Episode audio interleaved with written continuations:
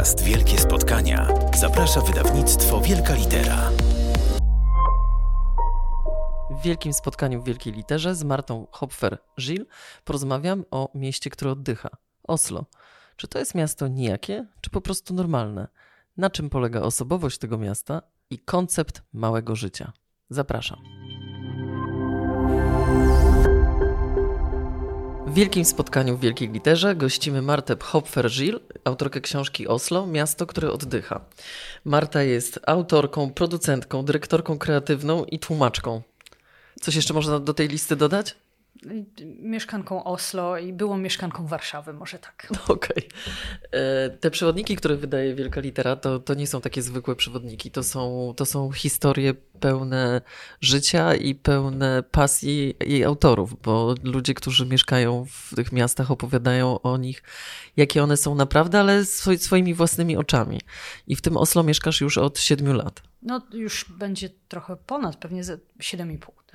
I mm, będziemy dzisiaj rozmawiać o, trochę o osobowości miasta i trochę o koncepcie małego życia. Jak ty mhm. to nazwałaś, bardzo mi się to spodobało. E, ale powiedz mi, czy właśnie, czy, czy twoim zdaniem jeździłaś po świecie, byłaś w różnych miejscach, czy miasto może mieć osobowość? No na pewno, zdecydowanie. Zdecydowanie.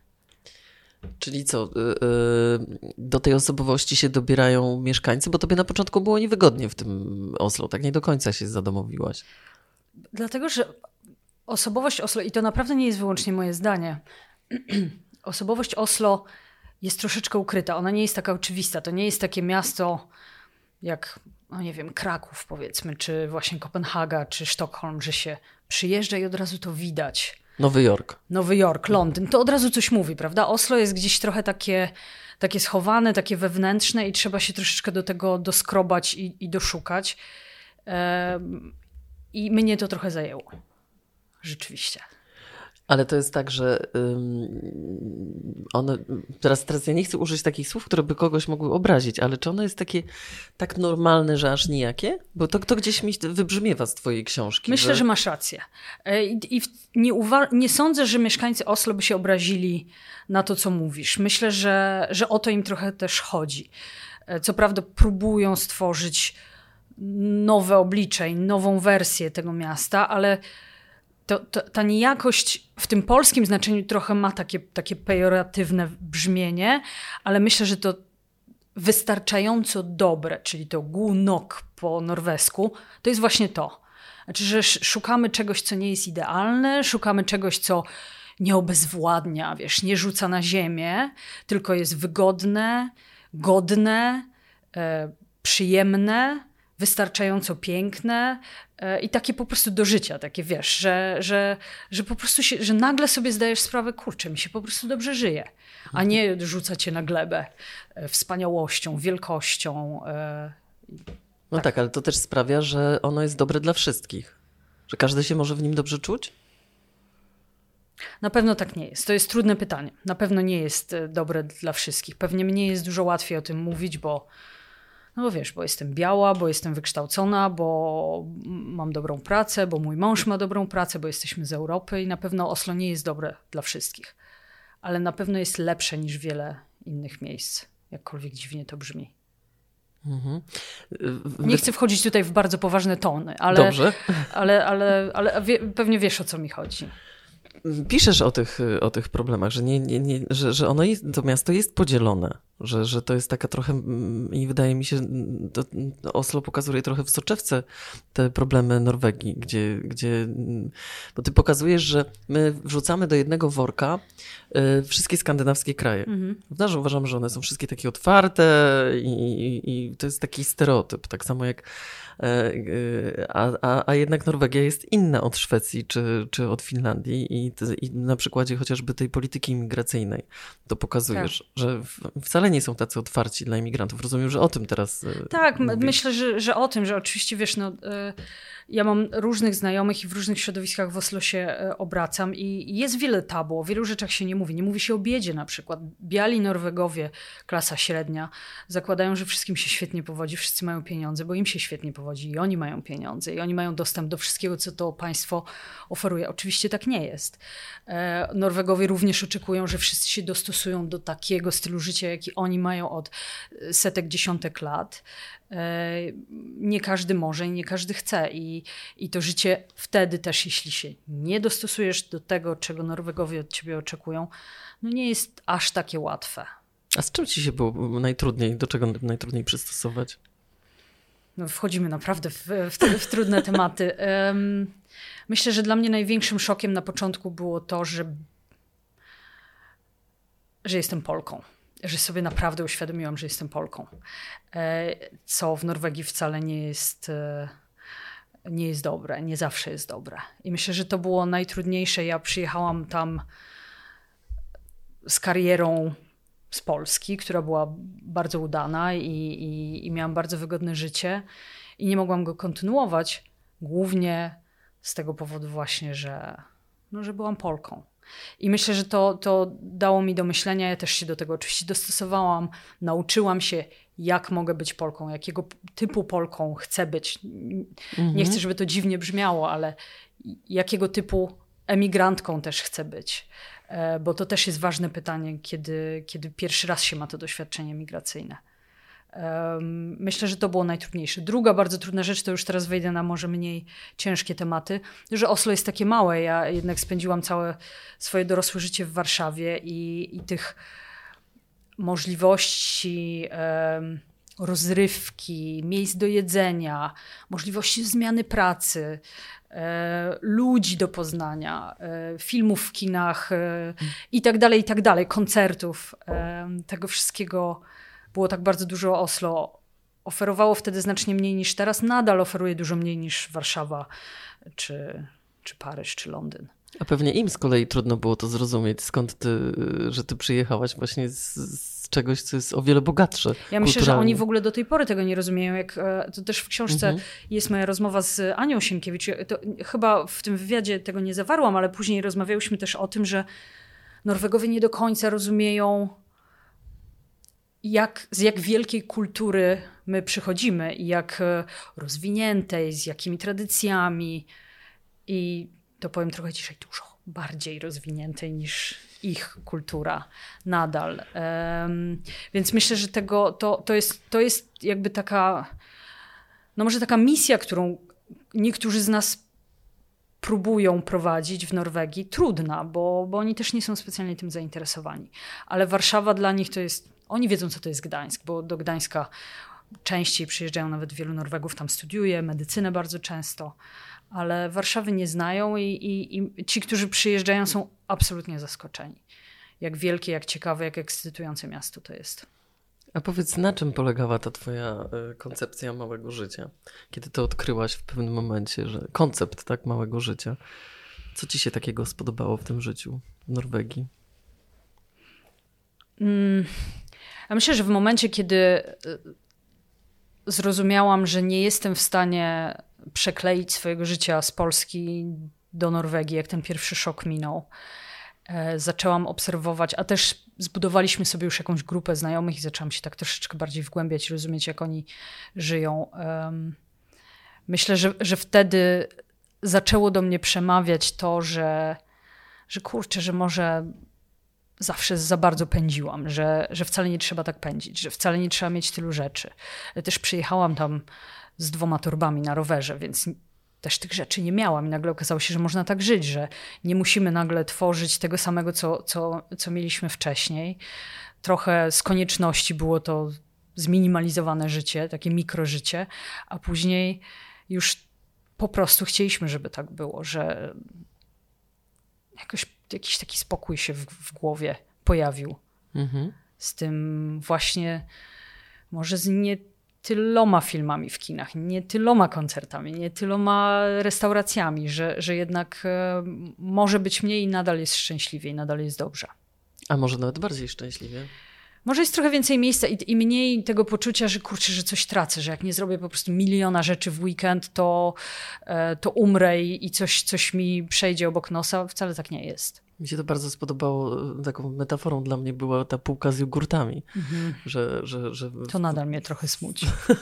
że, że oni mają taki bardzo ograniczony wybór produktów, mhm. ale można przeżyć. To jakby mm, uciekają od nadmiaru. Tak, e, jak moi rodzice, jak mnie teraz odwiedzają, czy znajomi, jak zaglądają do lodówki, to myślą, że my nam się bardzo źle powodzi, że, że jakoś prowadzimy takie życie, bo nie możemy sobie pozwolić na nic innego, ale później idziemy do sklepu i się okazuje, że nie, tak po prostu tak jest. Tak jest, ale to jest Yy, zastanawiam się, że jak, jak, już jesteśmy przy tych jogurtach i mm, też jest jedna z rozmów jest też poświęcona kuchni, ale czy, czy kuchnia norweska jest, y, jest smaczna? Niektóre rzeczy są ok. Znaczy oczywiście ryby, świeże, owoce morza, super. Um, ale to jest taka chłopska kuchnia. No, no, wiesz, teraz jest oczywiście masa fantastycznych restauracji, bardzo drogich, które prezentują tę skandynawską czy norweską kuchnię taką, w taki nowy sposób. Oczywiście gwiazdki Michelena i, i wszystko to jest. Rzeczywiście Skandynawia jest taką destynacją dla tych foodisów fenomenalną.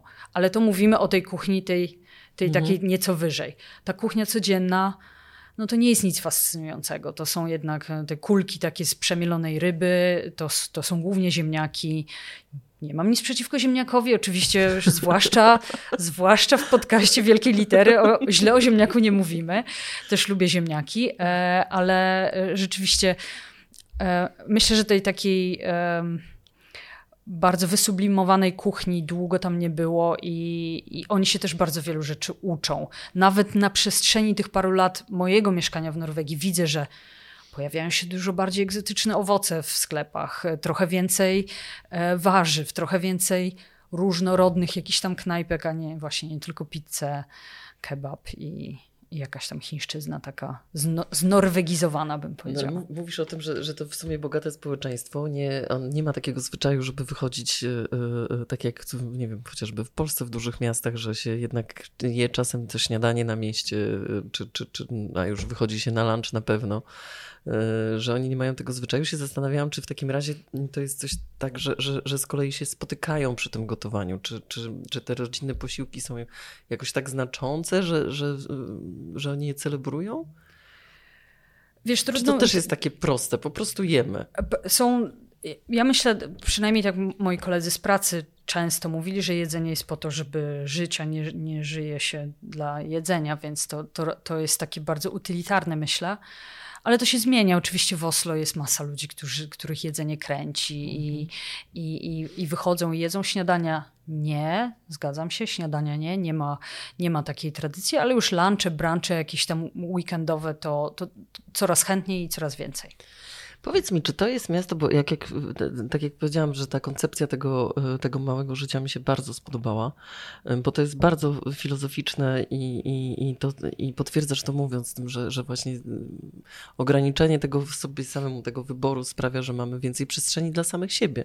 Czy chociaż tak jak mówi, że nie idziemy do kina na 10 filmów w, w miesiącu, przesadzam oczywiście, e, ale, ale że możemy dłużej o nim porozmawiać, że mhm.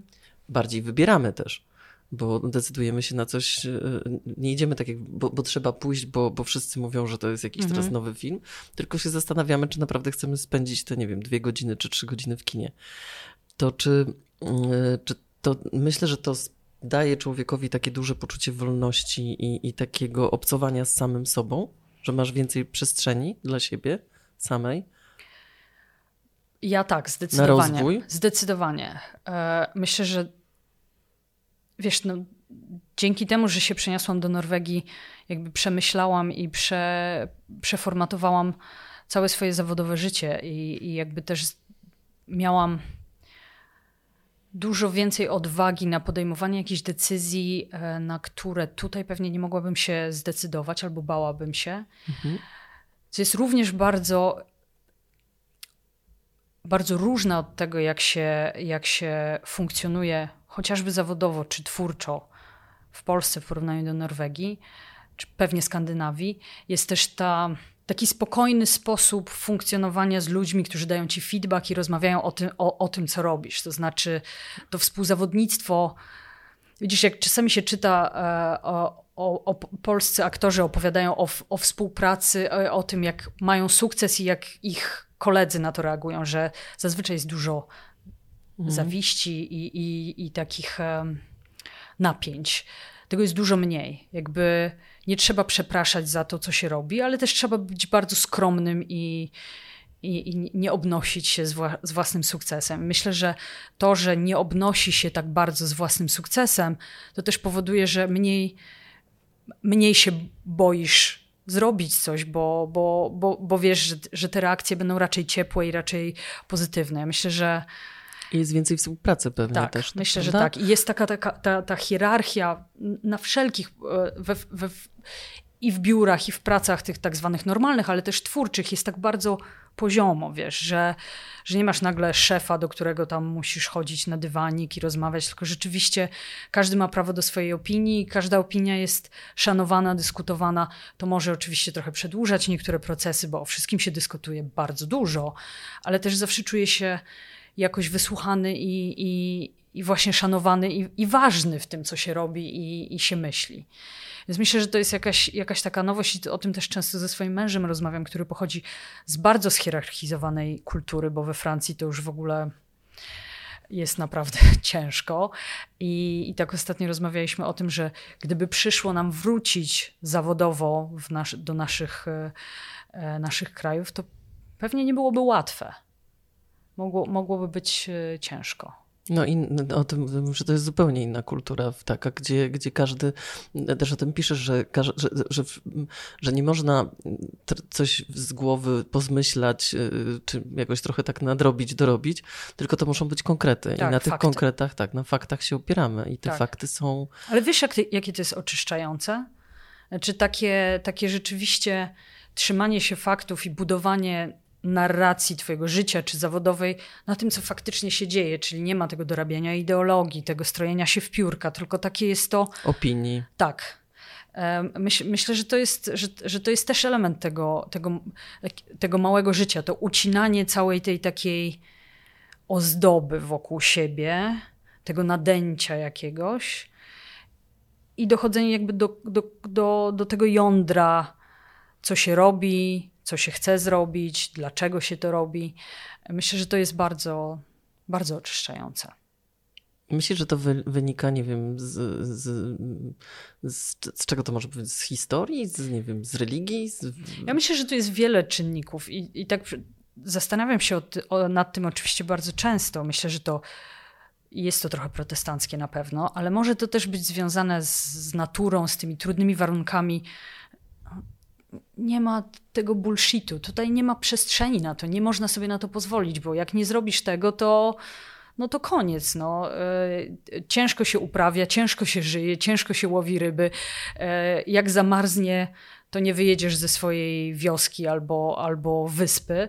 E, więc nie ma czasu na tę, na tę ozdobność życia, tylko do konkretów, prosto do, do, do celu te trudne warunki są, sprawiają, że oni są bliżej natury tak, i ta natura ich prawdopodobnie też zmusza, znaczy zmusza, no właściwie to chyba chciała, znaczy jeszcze chciałabym żyć w tej, ale że, że ona, ona ci motywuje do takiego, e, do takiego zachowania. Wspomniałaś o, o dyskusji, e, o tym, że, e, że Norwegowie lubią dyskutować mhm. i lubią omawiać, ale ja rozumiem, że to jest zupełnie inna dyskusja niż ta, którą my mamy na myśli. Tylko to jest właśnie ta dyskusja, gdzie wyrażamy ustalamy coś, tak? Każdy może wysłuchać jakiegoś poglądu i na podstawie tego coś w jakimś kierunku idziemy i możemy wyciągnąć jakieś wnioski, ale oni dyskutują też w, w takich sprawach społecznych, y, w każdej sprawie, tak? Każdy może przedstawić tak. opinię i, i, i twoim okiem y, osoby, która tam mieszka od 7 lat z, z innej kultury,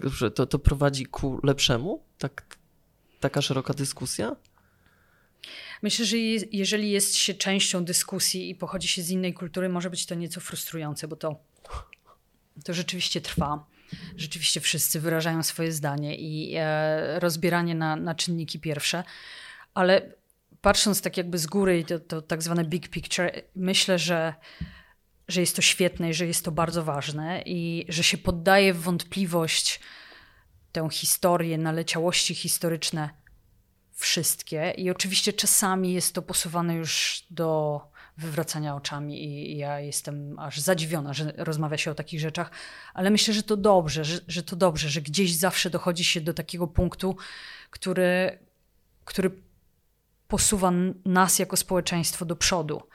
E, I, ja teraz, oczywiście te 7 czy 8 lat to nie jest wieczność, natomiast tak szybko przyzwyczaja się do, do dobrego, tak to nazwę po prostu, do innego, do postępowego, że no, jak obserwuję dyskurs albo to, co się dzieje w Polsce, to, to mam takie, że to jest niemożliwe, że w XXI wieku jeszcze o takich rzeczach się dyskutuje. Bo wydaje się, że już tak nie powinno być, bo z tamtej perspektywy się wydaje niemożliwe, że takie rzeczy się dzieją w centrum Europy, jak na przykład się dzieją w Polsce. Chociaż oni wcale nie byli takim postępowym narodem. Absolutnie bo jak nie. piszesz na przykład to, co nam się wydaje oczywiste, że y, nie wiem, prawa LGBT y, w, w krajach skandynawskich, w Norwegii są, mm, są przestrzegane i, i, jak mówisz o Paradzie Równości, y, to zaskoczyło mnie to, że tam nawet wojsko bierze w tym udział. Ale, I Kościół. I, koś, i Kościół, tak. Ale w, w 70 którym roku dopiero homoseksualizm? Drugi albo ósmy, tak? Mhm. Czy to mhm. nie jest coś takiego, co od zawsze Przecież, no słuchaj, no to jest społeczeństwo, które stosunkowo niedawno się wzbogaciło. Zanim to się wydarzyło, no to było społeczeństwo rolników, rybaków y, i, i, i rzeczywiście to nadganianie nastąpiło jakby bardzo szybko. I z takim podejściem, jakie oni mają, oni właśnie robią takie siedmiomilowe kroki, jeśli Absolutnie. chodzi o, o społeczeństwo. I dlatego ty się dziwisz, że my jeszcze ciągle wałkujemy to samo i, mhm. i drepczemy w miejscu, a oni już dawno uznali, że to, co jest dobre, to już jest... nie ma o czym dyskutować. Tak, nie ma no. co dyskutować. To, to, to są prawa człowieka, to, to wszystko, o czym się dyskutuje w tej chwili w Polsce, jest absolutną oczywistością. Oczywiście przed Norwegią stoją zupełnie inne wyzwania, również związane z ludźmi, którzy przyjeżdżają z innych części świata, nie z Europy. I to jest wyzwanie dla Norwegii, szczególnie dla starszych pokoleń, bo no wiesz, to też był bardzo homogeniczny, bardzo biały naród i, i to, to jest dla nich. To jest dla nich trudne i też się wielu rzeczy uczą i muszą wiele rzeczy zmienić. Teraz jest spora fala nieciekawych wydarzeń w Oslo, jest, jest sporo przemocy, ale no, nie wiem, o gangach młodych tak, chłopców. I, I ja myślę, że to też jest e, w związku z tym, że ten, ten naród jest taki w swojej dobroci i dyskutowaniu wszystkiego jest też troszeczkę naiwny, muszę to powiedzieć otwarcie. E, to też tego typu przemoc e, łatwiej się pojawia, bo, bo Norwegowie zakładają, że takie rzeczy się im nie wydarzą. No niestety się wydarzają, więc też muszą znaleźć swój sposób na to i, i, i jak sobie z tym poradzić w ten swój norweski, otwarty, akceptujący sposób. Myślisz, że dadzą radę? To bardzo trudne pytanie. Ja e, obserwuję z, no, z obawą to, co się dzieje, zwłaszcza, że, że w Szwecji rzeczywiście to się trochę wymknęło spod, e, spod kontroli, więc Zobaczymy. Może w związku z tym, że w Szwecji to się wymknęło spod kontroli, to, to trochę szybciej zareagują, jakoś spróbują znaleźć na to wyjście. Ale myślę, że to jest, to jest też ten problem takiego odsuwania problemów, niezauważania i wtedy to się wszystko mieli. Ale to, to, się, to się i we Francji, w Paryżu wydarzyło i, w wielu innych miejscach. E, mówiliśmy o tej naturze i o tym, co, jak to wpływa na, e, e, na ludzi, i, i, i chyba też to wpływa na takie bardzo silne poczucie solidarności. Myślę, że tak. Solidarność w wydaniu norweskim ma wiele różnych, e, różnych znaczeń i wyrażeń. Od takiego bardzo, bardzo wysokiego, e, ogólnonarodowego po taki, taką małą sąsiedzką solidarność. I, I rzeczywiście mówi się tak, że, że jeżeli ma się już Norwega za przyjaciela, to ma się go absolutnie na całe życie. Że to już jest takie, pójdzie naprawdę w ogień i to tak bez, bez przesady. Więc e, rzeczywiście i takie wsparcie i pomoc e, można na to liczyć. Czyli takie zwane czyny, czyny A te czyny tak? społeczne to społeczne. tak, czyn społeczny i, i praca taka wspólna i um, jakby takie poczucie wspólnego celu i zrozumienia, że,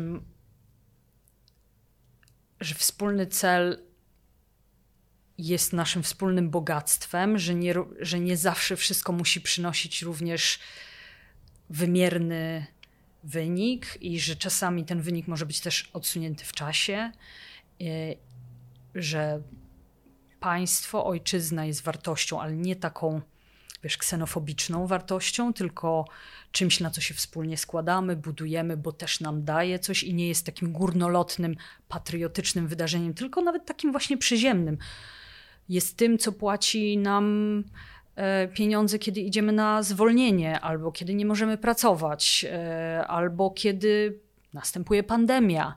I dlatego wspólnie musimy pracować na to, żeby to państwo funkcjonowało. Musimy czuć się odpowiedzialni za to, żeby chodzić do pracy, dlatego że następne pokolenia od nas oczekują tego, czego, co dały nam poprzednie pokolenia.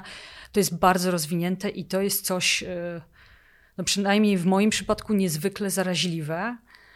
Rozmawiałam również z przyjaciółmi swoimi z Polski, którzy również mniej więcej tak długo jak ja mieszkają e, w Oslo i moment, kiedy czujesz po raz pierwszy tak silnie, że ufasz aparatowi państwa, okropnie to brzmi, ale e, wiesz, dlaczego płacisz podatki, wiesz, co się dzieje z tymi pieniędzmi.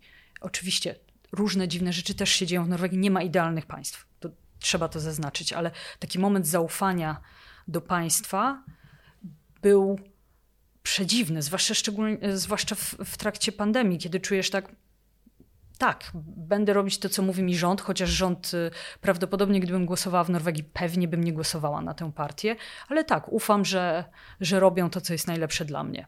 Szokujące, kiedy coś takiego się czuje i, i, i, i, i rzeczywiście się w to wierzy. I nie podejrzewasz mm. że tu się coś kryje się za tym drugie dno. Nie, no naj, naiwniarą się po prostu zrobiłam. To jest taka cecha polska bardzo drążenie. To, to, to moi znajomi obcokrajowcy, którzy z kolei tutaj mieszkają, mówią, dlaczego wy Polacy zawsze podejrzewacie kogoś o coś już na wstępie, zanim coś zrobił. Wy już myślicie, że coś jest na pewno nie tak. No ale to też wynika z, z kolei z naszej historii i z, i z tego typu wydarzeń, które się u nas, e, które u nas mają miejsce albo miały. Jeszcze jedna rzecz, e, mówisz o tym państwie, i o tym zaufaniu, i że to państwo ma właśnie służyć obywatelowi. I scena, którą opisujesz e, w, nie wiem, albo w ogrodzie botanicznym, albo w muzeum. Z premierem. Z premierem, to, tak. Tak, to w muzeum w ogrodzie botanicznym. Muzeum w ogrodzie botanicznym. Że to jest po prostu zwykły człowiek, który przyszedł ze swoimi wnukami i, i nikt, nikomu nie przychodzi do głowy, żeby nawet powiedzieć dzień dobry, to co, to, co mhm, ty robisz. Tak. Że to jest takie właśnie, że tego oczekuje się od, od przedstawicieli władzy, że będą normalnymi ludźmi, którzy korzystają z tego wszystkiego. Z jednej strony od nich się tego oczekuje, ale również oni mają prawo oczekiwać od nas, żebyśmy dali im przestrzeń do bycia tymi normalnymi e, obywatelami. I, I, to jest też fajne, że jakby to, to działa z dwóch stron, e, że my mamy do nich jakiś tam szacunek, żeby sobie mieli tę niedzielę i nie będziemy sobie selfie z nimi e, robić, a, a oni też mają pojechać do pracy tramwajem i mamy to widzieć, że pani była premier stoi w tramwaju bez ochrony i jedzie, jedzie do pracy. I najzabawniejsze jest, że zawsze w takich przypadkach to głównie obcokrajowcy reagują. Zrobią zdjęcie albo patrzą z zainteresowaniem, że pani premier stoi w tramwaju, e, jak normalna babka, która jedzie do pracy. Czyli codzienny widok z warszawskich ulic, y, samochody rządowe na, na, na, na, świat, na, na światłach, na sygnale. To jest y, pewnie nie do wyobrażenia w Oslo. Jest, nie, to się zdarza, ale wiesz, głównie jest to związane może z, z rodziną królewską na przykład i z dyplomacją pewnie częściej niż... Kiedy jest wizyta tak, cudzoziemca. Tak. Ale e, Norwegia to nie jest wcale taki cukierkowy kraj. E, e, jak urzekła mnie historia, że się rozmawia na faktach i się podejmuje decyzje na konkretach, no ale pomyślałam sobie, że też, że tak jak, że również te konkrety się wykorzystują trochę do naginania rzeczywistości, czyli Norwegowie w całym świetle prawa podają w statystykach tak, że mają jakiś naj, najmniejszy zły wpływ na, może nie najmniejszy, jeden z najmniejszych Europie zły wpływ na, na środowisko, wykorzystując zapisy prawa, które pozwalają im, jakby ty mówisz, delegować te, te emisje e, tak. spalin gdzie indziej.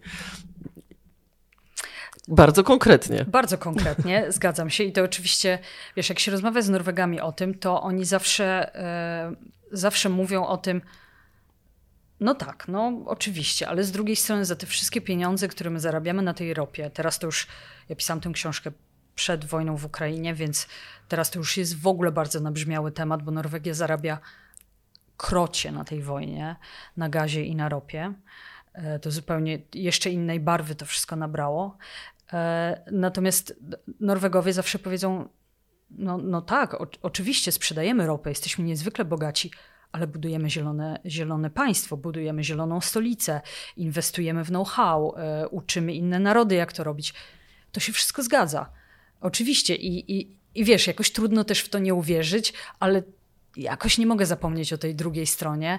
A Norwegowie chyba większość e, wybiera, a przynajmniej mainstream wybiera e, tę stronę, że jednak zapomnijmy o tym, co się dzieje poza granicami.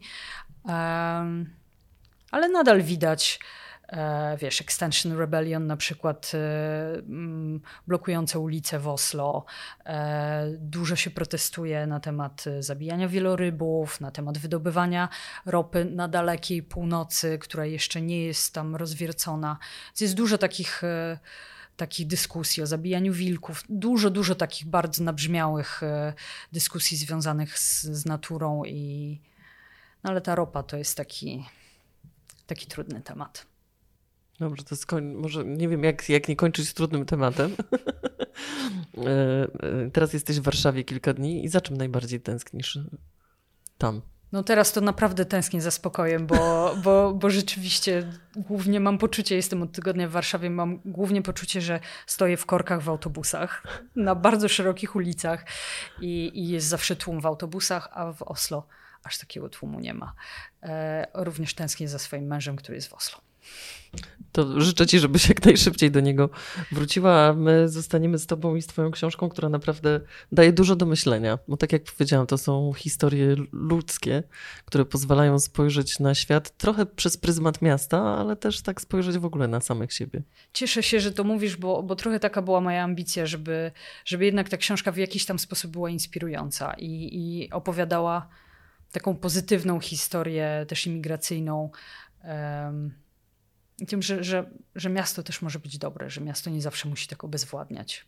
No tak, a poza tym tu nie mówiliśmy o tym, że tu jest mnóstwo różnych ciekawych historii na temat czy to budynków, czy to dzielnic, bo dzielnice też y, opisujesz bardzo ciekawie, y, przyrody. Y, no nachodziłam się trochę. Tak, tak. i nabiegałaś. I nabiegałam się, tak. Także nie, nie, nie, to nie jest tylko, to nie jest tylko o, nie wiem, o pracy, żeby, żeby nikt tak nie pomyślał. Myśmy dzisiaj sobie porozmawiały o jednym z aspektów, ale, ale książka jest pełna różnych ciekawych miejsc y, i historii z tym związanych, dlatego y, myślę, że warta polecenia każdemu, kto się wybiera w tę stronę, żeby mógł odnaleźć się w tym mieście szybciej niż ty, dzięki tobie. Mam nadzieję. Dziękuję Dzięki. bardzo. Podcast Wielkie Spotkania znajdziecie na naszej stronie wielkalitera.pl, Spotify, Google Podcast i Apple Podcast.